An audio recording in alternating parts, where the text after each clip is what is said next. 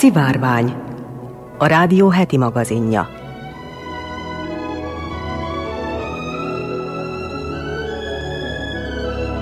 Köszöntöm a Szivárvány hallgatóit, Molnár Eleonóra vagyok, színes magazin műsorunk szerkesztője. Adásunkban hallatnak arról, hogy megállt, majd visszafelé kezdett el forogni a föld belső magja. Szó lesz arról, hogy titkos föld alatti kamrákat tártak fel Tenea elveszett városában. Elmondjuk azt is, hogy Bill Gates hadat üzent a tehén böfögésnek. Megtudhatják, hogy honnan származik a macskák kilenc életéről szóló hiedelem. Szó lesz arról, hogy diákok bocsátották fel Magyarország első szuperszónikus kutató rakétáját. Elmondjuk, hogy a leggyorsabb szárazföldi tömegközlekedési eszköz működtetését tervezik Kínában. Szófejtünkben kiderül, mi az a frászkarika és miért nem ér semmit. A vajdasági épített örökségünk sorozatunkban a magyar építészetről szólunk, Tavaly a Magyar Művészeti Akadémia köztestületi tagjainak munkáiból nyílt tárlat Magyar Kanizsán. Létezik-e modern magyar építészeti irányzat, amely jól felismerhető, akár csak száz éve a magyar szecesszió? Erről két építészt kérdezett német Ernő.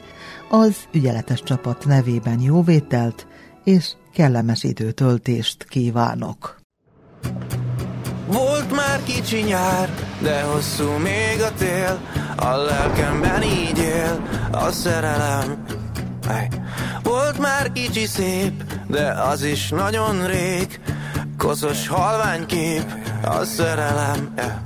Lehet az is nincs lelkem, mégis valahol bennem Benne van a testemben, az a szerelem Valamilyen méreg volt, a szívemen egy mocskos volt Valamikor fontos volt, az a szerelem. Mindenki csak baszakodik ezzel. Valahol egy mérgező Excel Pedig nem a megfelelő ember. Belehalunk mégis a végén. Szeretünk, de úgy is széttép. A szerelem magányos mélység.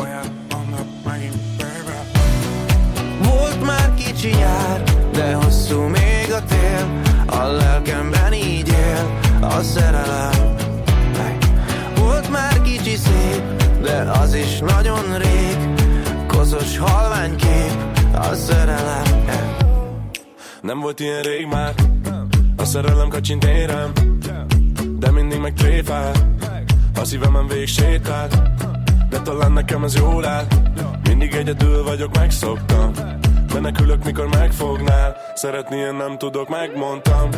De mással már nem lennék boldog többé vártam, mert vártam már sokszor köté.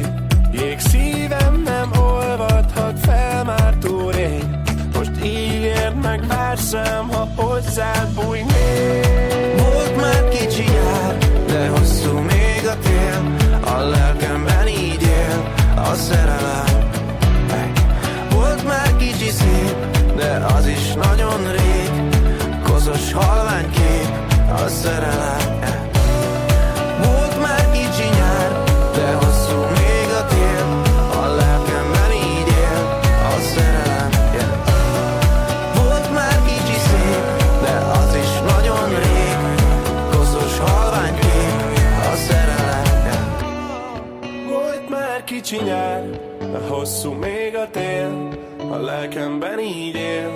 A szerelem Ez az Újvidéki Rádió heti színes magazin műsora, a Szivárvány. Egy új tanulmány alapján bő egy évtizede megállt, majd visszafelé kezdett el forogni bolygónk szilárd belső magja, írja a Life Science. Yi Yang és Chiaodung Song, a Pekingi Egyetem munkatársai földrengések szeizmikus hullámai révén vizsgálták meg a Föld belső szerkezetét. Adataik az 1960-as évektől 2021-ig terjedő periódust ölelték fel. Az eredmények szerint 2009 körül a mag azon része, amely korábban jelentősen változott, hirtelen nagyon kis módosulást kezdett el mutatni. A kutatók úgy gondolják, hogy ez a belső mag forgásának megállására utal. Az 1970-es évek elejétől kezdődően is komoly változásokat észleltek a hullámokban, ami azt sugalja, hogy a forgásirány változása ciklikusan bekövetkezik. Bolygónk belseje tele van rejtélyekkel. Az biztos, hogy a Föld szerkezete négy nagyobb régióra osztható, a külső kéregre, a többnyire szilárd köpenyre, a folyékony külső magra, valamint a szilárd belső magra. Mivel a legbelső részt egy folyékony réteg választja el a bolygó többi részétől, képes külön forogni. Ezt a mozgást a külső mag által generált mágneses mező, valamint a köpeny gravitációja szabályozza. A forgás irányával és sebességével kapcsolatban megosztik a szakértők véleménye. Tavaly például egy tanulmányban a kutatók arra jutottak, hogy a mag imbolyog, ami összhangban lehet a mostani megállapításokkal. A mag nagy hatást gyakorol a felszínre. A külső mag viselkedése például alapjaiban határozza meg a mágneses mezőt, amely védi az életet az űrből érkező veszélyes sugárzással szemben.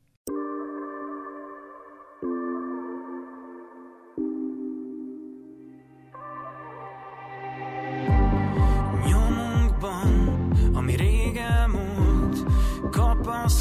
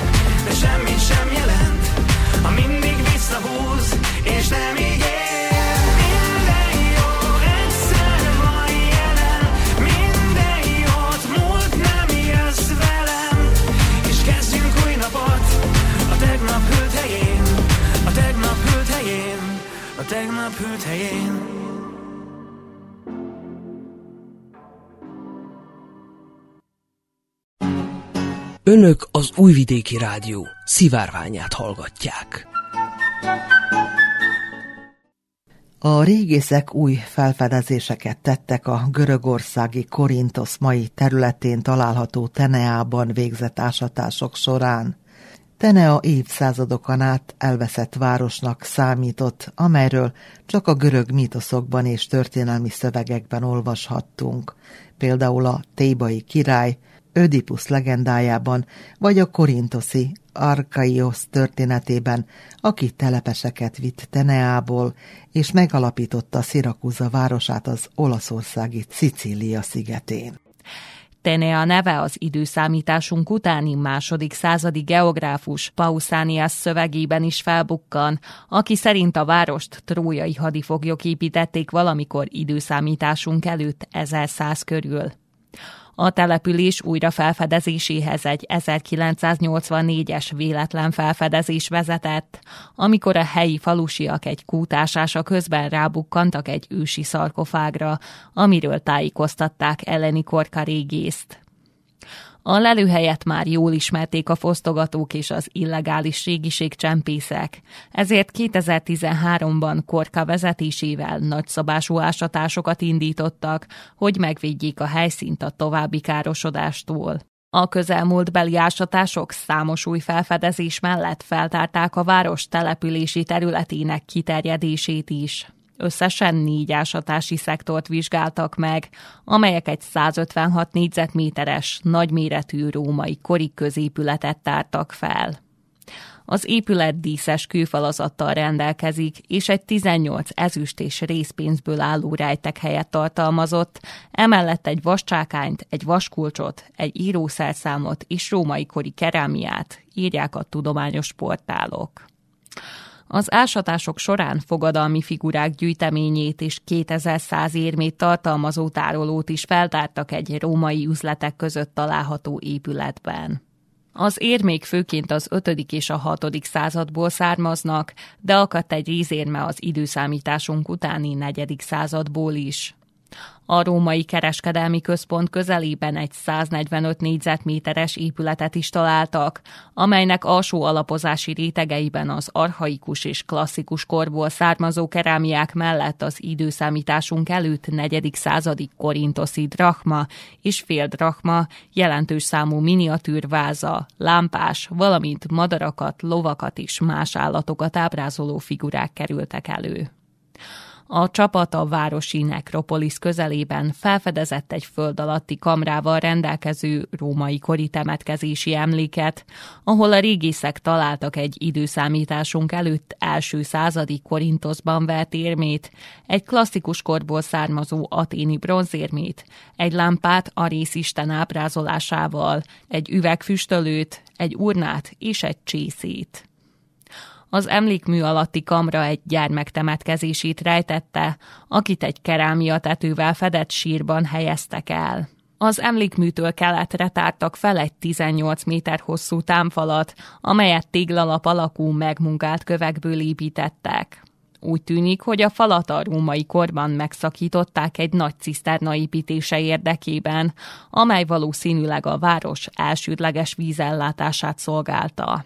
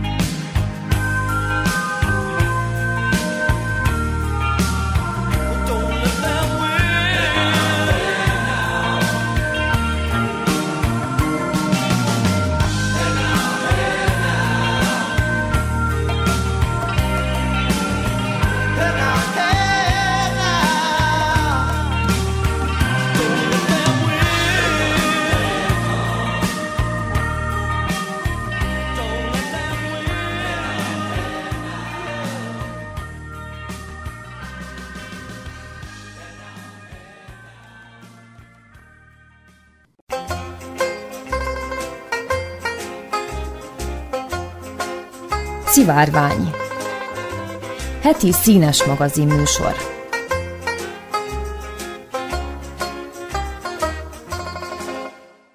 A tehén böfögés metán tartalmát csökkenteni szándékozó Ausztrál startupba fektetett be Bill Gates, a Microsoft alapítója, írja a BBC. A széndiokszid után a metán a második leggyakoribb üvegházhatást okozó gáz a légkörben. A melegítő hatása 84-szerese a széndiokszidnak, igaz, rövidebb ideig marad meg a légkörben. A mezőgazdaság, ezen belül is az állattartás komoly forrása a levegőbe kerülő metánnak. A haszonállatok akkor termelik a gázt, amikor a gyomruk lebontja a kemény rostokat, például a füvet. A metánt böfögés és szellentés útján juttatják a légkörbe. Korábbi kutatások kimutatták, hogy jelentősen csökkenthető a tehenek metán kibocsátása, ha hínárral is etetik őket. A Perti székhelyű Rumin 8 startup olyan étrend kiegészítőn dolgozik, amelyet vörös hínárból készítenek, és amely jelentősen csökkentheti a gázképződést a tehenek szervezetében. A vállalat egy sajtóközleményben nyilvánosságra hozta, hogy 12 millió dollárt, több mint 4,3 milliárd forintot gyűjtött össze részben a Gates által alapított Breakthrough Energy Ventures vállalaton keresztül. A cég az összegyűjtött támogatást kísérletekre költi majd Ausztráliában, Új-Zélandon, Brazíliában és az Egyesült Államokban, illetve termékmárka fejlesztésre és kísérleti gyártóüzem fejlesztésére. A befektetési céget Jeff Bezos, az Amazon vezérigazgatója, valamint Jack Ma kínai vállalkozó, az Alibaba társalapítója is támogatja. Nem csak Ausztráliában, Új-Zélandon is foglalkoznak a témával. Tavaly októberben a Szigetország javaslatot tett az állattartásból származó üvegházhatású gázok megadóztatására.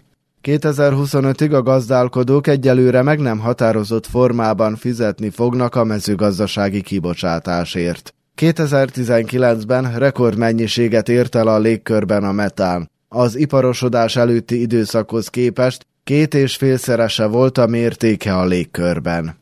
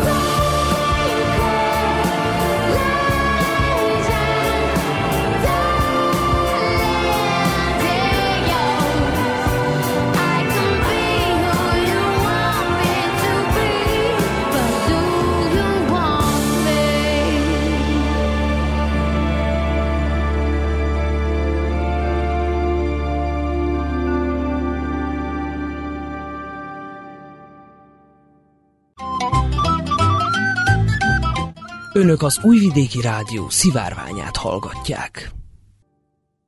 Bár a macskáknak a közhiedelem szerint kilenc életük van, ezt a kóborló és a szobafogságban élő kandurok és nőstények is vitatnák, hiszen a macskáknak is csak egyetlen életük van, hasonlóan a többi földi élőlényhez. A macskák felemelkedett lelkek, az emberek társai vagy éppen vezetői, minden dolgok tudói, akik azért hallgatnak, hogy ne befolyásolják pártfogoltjaikat. Hatodik érzékkel rendelkeznek. Képesek a lelkek, a szellemek és a gonoszság észlelésére, és ha nem tudnák, a macskák az oroszlán tüsszentéséből születtek Noé bárkáján. Ez csak egy pár a macskákkal kapcsolatos mítoszok közül. De vajon ezek az állítások honnan származnak? És a talán legelterjedtebbnek számító, a macskák kilenc életét taglaló hiedelem miből ered? A megfejtés nem is annyira egyértelmű, mint elsőre gondolnánk. Ki ne hallotta volna, vagy lett volna szemtanúja annak, hogy a macskák mindig talpra érkeznek. Ez nem olyan városi legenda. A cicák nagyon finoman hangolt egyensúlyérzékkel, valamint egy az emberénél több csigolyát tartalmazó gerincel vannak megáldva, amelynek rugalmassága flexibilis mozgást tesz lehetővé. Különleges állatok tehát a macskák, talán nem véletlen, hogy már mintegy tízezer éve annak, hogy elkezdtek az emberek társaságában élni. Háziasítások első ábrázolására pedig mintegy négyezer éve Egyiptomban került sor. Utóbbi két adatot igazolja egy ciprusi ember amelyből nem csak a meghatározhatatlan nemű személy földi maradványai, de kedvencének csontváza is előkerült.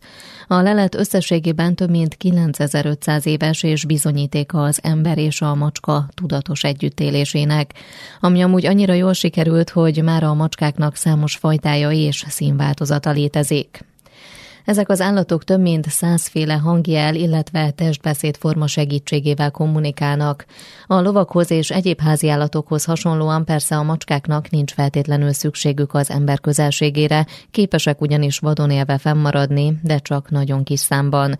A gazdátlanul koborló cicák nagy része ugyanis általában komoly megpróbáltatásokon megy keresztül, ráadásul többségüket maguk az emberek pusztítják el, vagy az éjség és az időjárás viszontagságai végeznek élnek velük.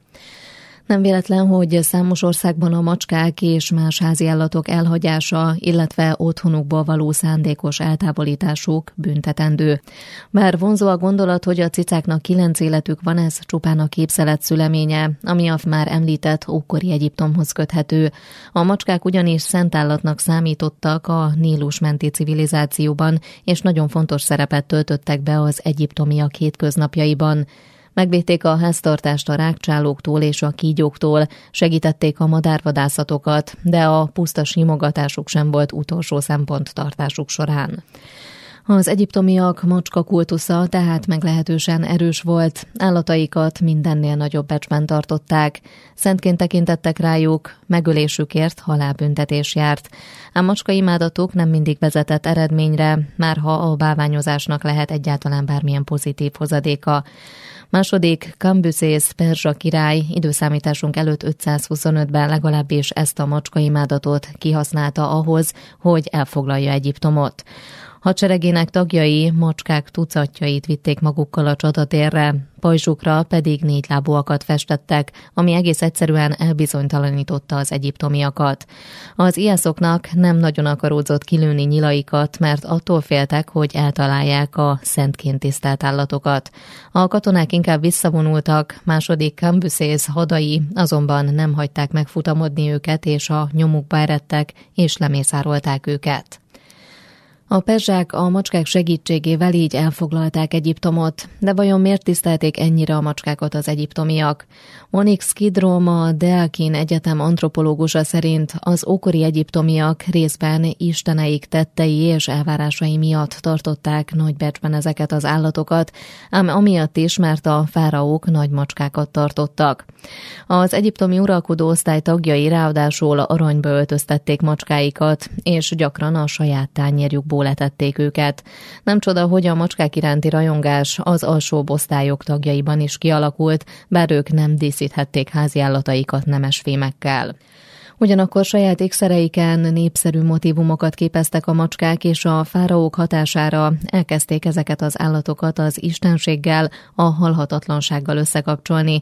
Ez pedig olyannyira jól sikerült, hogy a mítosz az évezredek alatt sem kopott meg, igaz, a halhatatlanság kilenc életre redukálódott. A kilenc életnek tudományos magyarázata is született. Érdekes kérdés azonban, és a tudósok egy részét meglehetősen foglalkoztatja is, hogy van-e bármiféle tudományos alapja a macskák halhatatlanságának.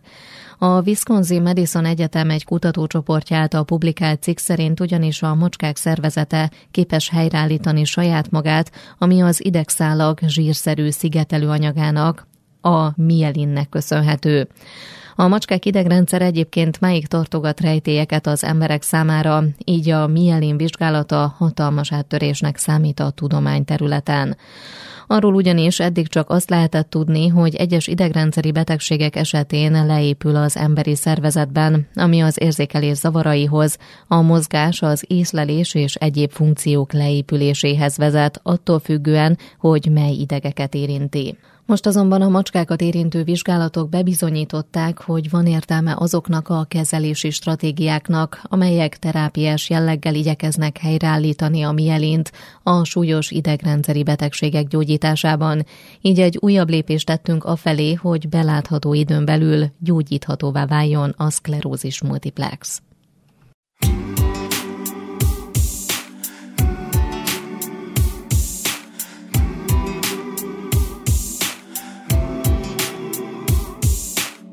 Amikor vádolsz, semmit sem mondok Azzal, hogy gyűlöztem engem magadat bántod. Neked is volt olyan, hogy megtetted és bántad is sosem mondanám, hogy jobban csinálnám nálad. Felfalnak az évek, de ha nem ezzel méred Hogy a földön a testben mennyi időt töltesz? Hanem mondjuk azzal, hogy hányszor voltál boldog Hogy könyvfogott a szemedbe, elszorult a torkod. Hogy azzal, hogy hányszor láttad meg a hibát Magadban, hogy belásd, hogy csak tükör a világ. Vagy ahányszor utólag bántad azt, ha volt, akire mondtad, hogy hülye paraszt. Az Isten tudja milyen, hosszú a lista, a halál karjaiban kevés az a teista. Mondta ma lenne a napod, hogy el kellene menni, békével mondanád, de hogy ez szép volt, ez ennyi. Mély levegőbe szív és befogad, bármit adjon az ég. Mély levegőt kifúj és elenged, ennyi kész. Mosoly, egy érintés, egy jó szó a legszebb dolgokat mindig az. Jellemzi, hogy mindegyszerű, és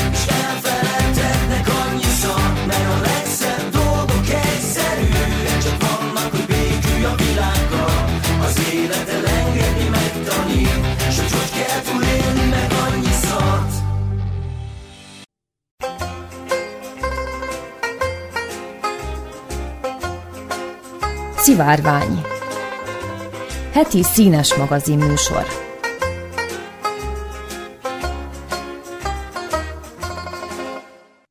Sikeresen startolta a BME, a Budapesti Műszaki és Gazdaságtudományi Egyetem Aerospace Team által megépített, három méter hosszú, szilárd hajtóanyagú, oktatási célú kutató rakéta, közölte a projekt főtámogatója, a Nemzeti Média és Hírközlési Hatóság.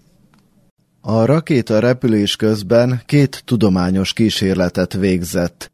Egy élő csontsejtekkel végzett orvosbiológiai, valamint egy a Föld mágnesességét mérő légkörfizikai kísérlet kapott helyet az eszközön, áll a közleményben.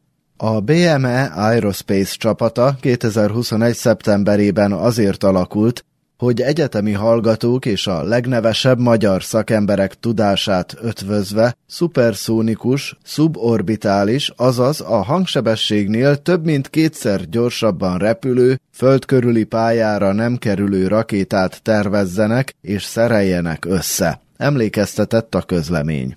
Az ITER-S nevű oktatási célú kutatórakéta teszt felbocsátására a szükséges engedélyek megléte és az óvintézkedések betartása mellett csütörtökön 16 óra 5 perckor a Magyar Honvédség lőterén került sor. A rakétát saját fejlesztésű számítógépes és kommunikációs rendszer működtette, a tartalékrendszert pedig kereskedelemben kapható eszközökből állította össze a csapat.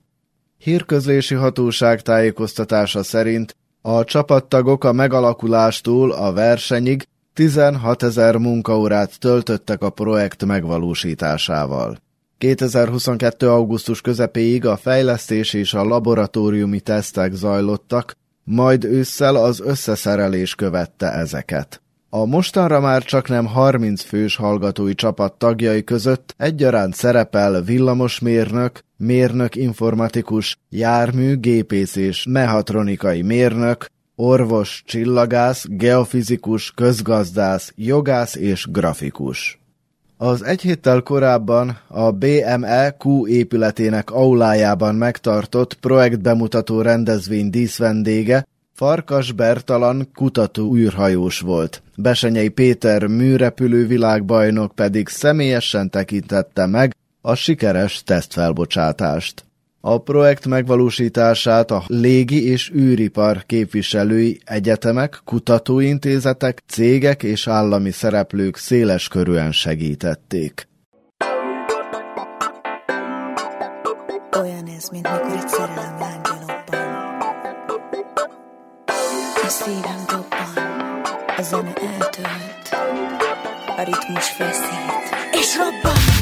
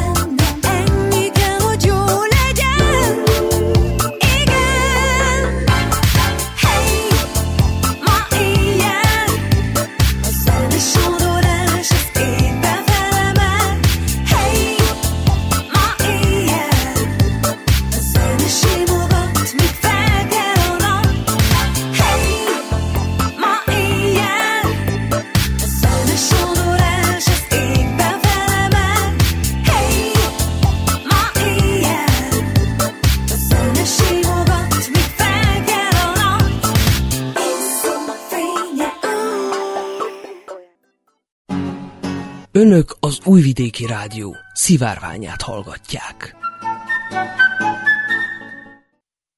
A leggyorsabb szárazföldi tömegközlekedési eszköz működtetését tervezik Kínában.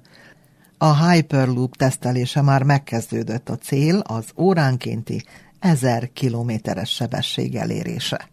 A Hyperloop egy egyelőre még nem létező, de később a maglev vonatoknál is gyorsabbnak ígérkező közlekedési eszköz, amelynek terveit Elon Musk mutatta be először 2012-ben, de az ötlet régi idők koncepcióin alapul.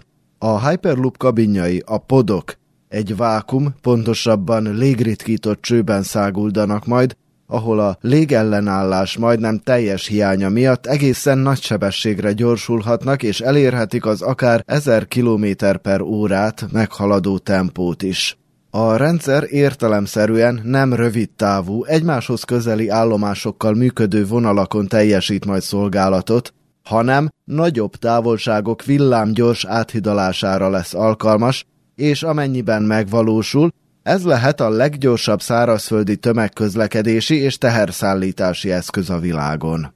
Mivel Musk már a Hyperloop Alpha koncepciójának bemutatásakor is úgy tervezte, hogy a járművet nem feltétlenül ő, illetve munkatársai, hanem bármelyik másik cég mérnökei építhetik fel, ezért a Hyperloopok fejlesztésében a világ számos pontján belekeztek, és sokan már a szimulációkon és kezdeti lépéseken túl a konkrét tesztelést végzik. Többek között a Virgin Hyperloop is kipróbálta már a kabinok működését egy 500 méter hosszú tesztpályán 2020-ban, és Európában is készülnek azok a vonalak, amelyeken a vonatok 900 km per órával is haladhatnak majd a próbák során. Kínában szintén jó haladnak a Hyperloop fejlesztésekkel, egy Dayton közelében levő két kilométeres pályán sikerült 130 km per órára gyorsítani egy teljes méretű prototípust, most pedig befejezték a három próbából álló első szakaszát az újabb teszteléseknek, amelynek során január 14-én 500 km per órával haladt egy másik tesztmodell. A két kilométeres pálya valóban gyors működésre egyelőre nem ad lehetőséget a cégek által készített prototípusok számára, de később tovább bővítik 60 km hosszúra a létesítményt, ahol már a remények szerint elérhető lesz az 1000 km per órás sebesség is. Bár közel sem Kína az egyetlen, ahol a Hyperloop minél előbbi szolgálatba állítását tervezik, de a Daytongi pályán zajló tesztekkel az ország már is megelőzte sok más nemzet még tervezés alatt álló projektjeit, és egyúttal bizonyította, hogy a Hyperloopok speciális technológiája a közeljövőben talán valóban Elon Musk kifejezésével az ötödik közlekedési móddá válhat.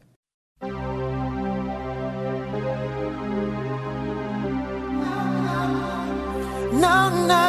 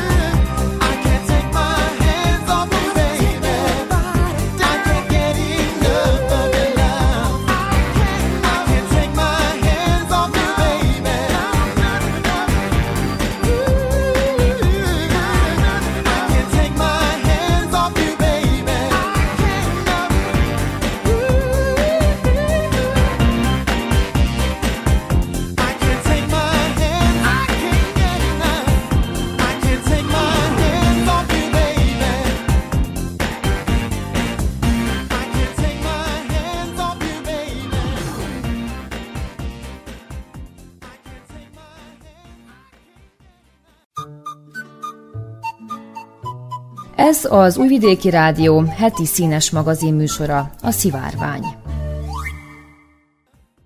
Egy frászkarikát kiáltjuk dühösen, amikor nyomatékosan szeretnénk valamit elutasítani, elhárítani magunktól. A kisé vulgáris kifejezés eredete a népi babonák világába visz minket. Ide utazunk mai szófejtőkben. A frász a régi magyar nyelvben az epilepsia, illetve különféle görcsrohamok elnevezése volt, melyet a népi hiedelem szerint különösen a gyerekek, csecsemők esetében egy különleges, mágikus erejű eszközzel, az úgynevezett frászkarikával lehetett gyógyítani, enyhíteni. A gyógyítóeszköz több fajtája is ismert volt Európában, illetve hazánkban. A legelterjedtebbnek egy gyúrt tésztából sütött, hosszúkás alakú perec számított, amelyet akkorára nyújtottak, hogy egy kisded könnyen átfért rajta. A perecet, írja a Bárdosi Vilmos nyelvész, kilenc napon át kilenc helyről kért lisztből, szentelt vízzel gyúrt tésztából készítették, majd átbújtatták rajta a rohamokkal küzdő kisgyereket. A kilences szám az anyamékben eltöltött kilenc hónapot, míg az átbújtatás az újjászületést szimbolizálta, vagyis a baba másodszorra is világra jött, ezúttal egészségesen. Egyes magyarországi vidékeken a frászkorika ezzel szemben egy Krisztus töviskoszorújára emlékeztető nátfonat volt, melyet a rohamok jelentkezésekor gyakran a beteg melkosára helyeztek. Idővel a frászkarika használata kiment a divatból. Az orvostudomány fejlődésének köszönhetően ugyanis az emberek egyre kevésbé hittek a hasonló varázserejű gyógyító tárgyakban, Ebből a kétkedésből szülte a népnyelv az egy frászkarikát sem ér felkiáltást, amely lerövidülve frászkarika frászkarikát alakban maradt fent a mai köznyelvben. Érdemes még megjegyezni, hogy a Dunántúl sváb falvaiban Freiszégen, vagyis frászáldás néven volt ismert, ez az ördögűzéshez hasonló szentképekkel és imákkal operáló misztikus gyógyítási mód.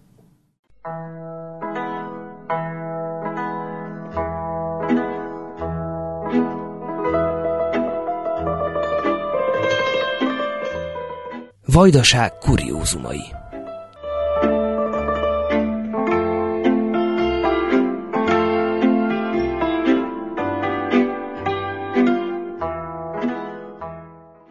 A vajdasági épített örökséget bemutató sorozatunkban ezúttal a magyar építészetről szólunk.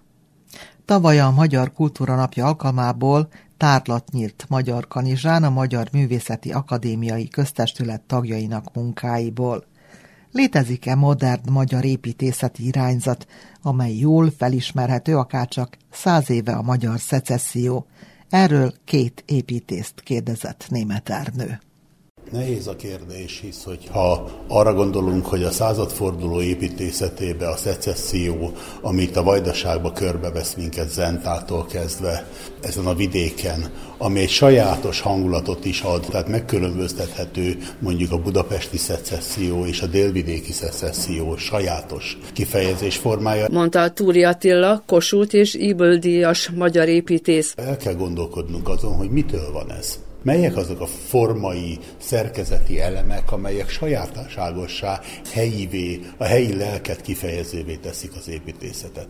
Sajnos azt kell, hogy mondjam, hogy a modern építészet térhódításával ezek a fajta egyedi jelek eltűntek.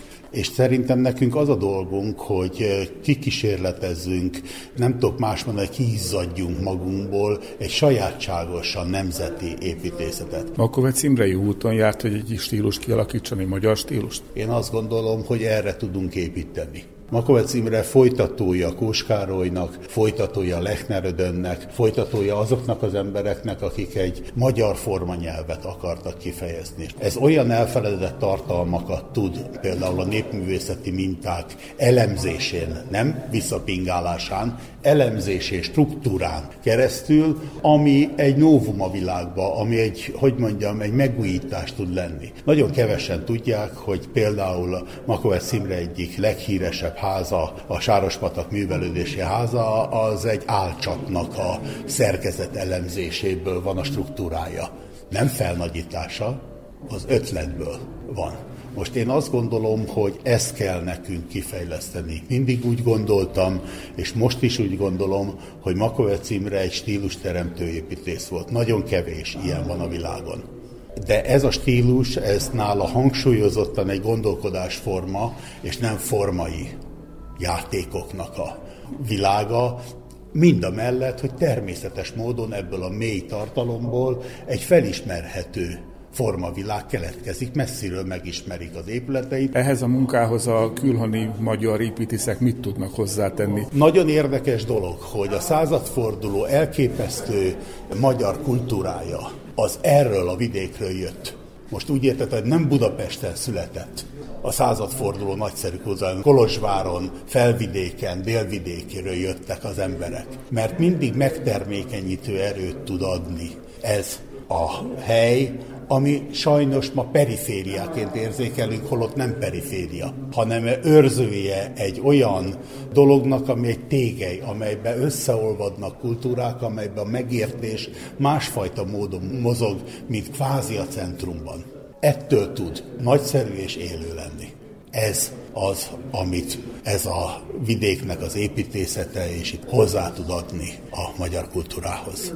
Tóth Vilmos magyar kanizsai építész, a Magyar Művészeti Akadémia levelező tagja a népi építészetről és az építészeti stílusokról beszélt. A népi építészetet részesíti előnyben. Ami a népi építészetet illeti, hát vannak itt olyan építészek, akiknek a szellemisége, a gondolkodása közel áll a népi építészethez, sőt, arra is alapozzák a mai munkáikat. Vannak olyan építészek, akik a modernista irányzathoz tartoznak. Ez mindig az építészetben ilyen dualista dolog volt, hogy voltak, akik követtük a régi építészetet, a hagyományokat, nagyobb tiszteletbe tartottuk a saját munkáinkba. Azért beszélek így, mert én is hasonlóképpen gondolkozok, mint néhányan itt a kiállított építészek közül. Ha a Magyar Kanizsán kap egy felkérést, akkor szíve szerint melyik irányzathoz fordul? Az előzőhöz, ami tiszteletbe tartja a régit. Így is terveztem én eddig, mert most már nem praktizálok, nyugdíjba vonultam, és akkor most már kevesebb megbízást is kapok, sőt nem is nagyon. De eddig, amit készítettem, az mind a hagyományos építészeti megoldásoknak a tiszteletbe tartásával készültek el. De itt is a kiállított anyag, akár modernista, akár a régi építészeti szellemiségnek a gondolkodásába valósult meg, ez azért a helyhez köti magát. Tehát itt éppen olvasgattam az idézeteket, amiket az építészek ráírtak a panóikra. Főleg ez a gondolkodás van benne, hogy tisztelni a teret, tisztelni a megbízót, belevinni az alkotó kedvet, tehát önmagát az építész vigye vele, és alázattal hozzányúlni a dologhoz, hogy az akár modernista, akár régebbi építészeti hagyományokon alapuló épület is beleilleszkedjen ebbe a térbe. Ez jellemző szinte mindegyik építészre, akik itt kiállítottak, és ezért is tagjai valójában a Művészeti Akadémiának, mert akár modernista gondolkodásba terveznek, akár egy ilyen hagyományosabb, organikusabb, ahogy szakmailag megnevezik, gondolkoznak és terveznek, ide illenek bele.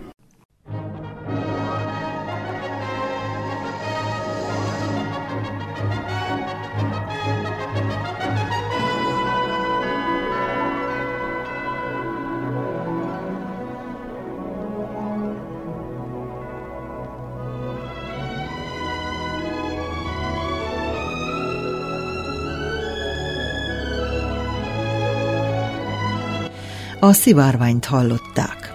Heti színes magazin műsorunkkal egy hét múlva jelentkezünk ismét. Az ügyeletes csapat nevében Molnár Eleonóra köszöni figyelmüket. Kellemes hétvégét kívánok!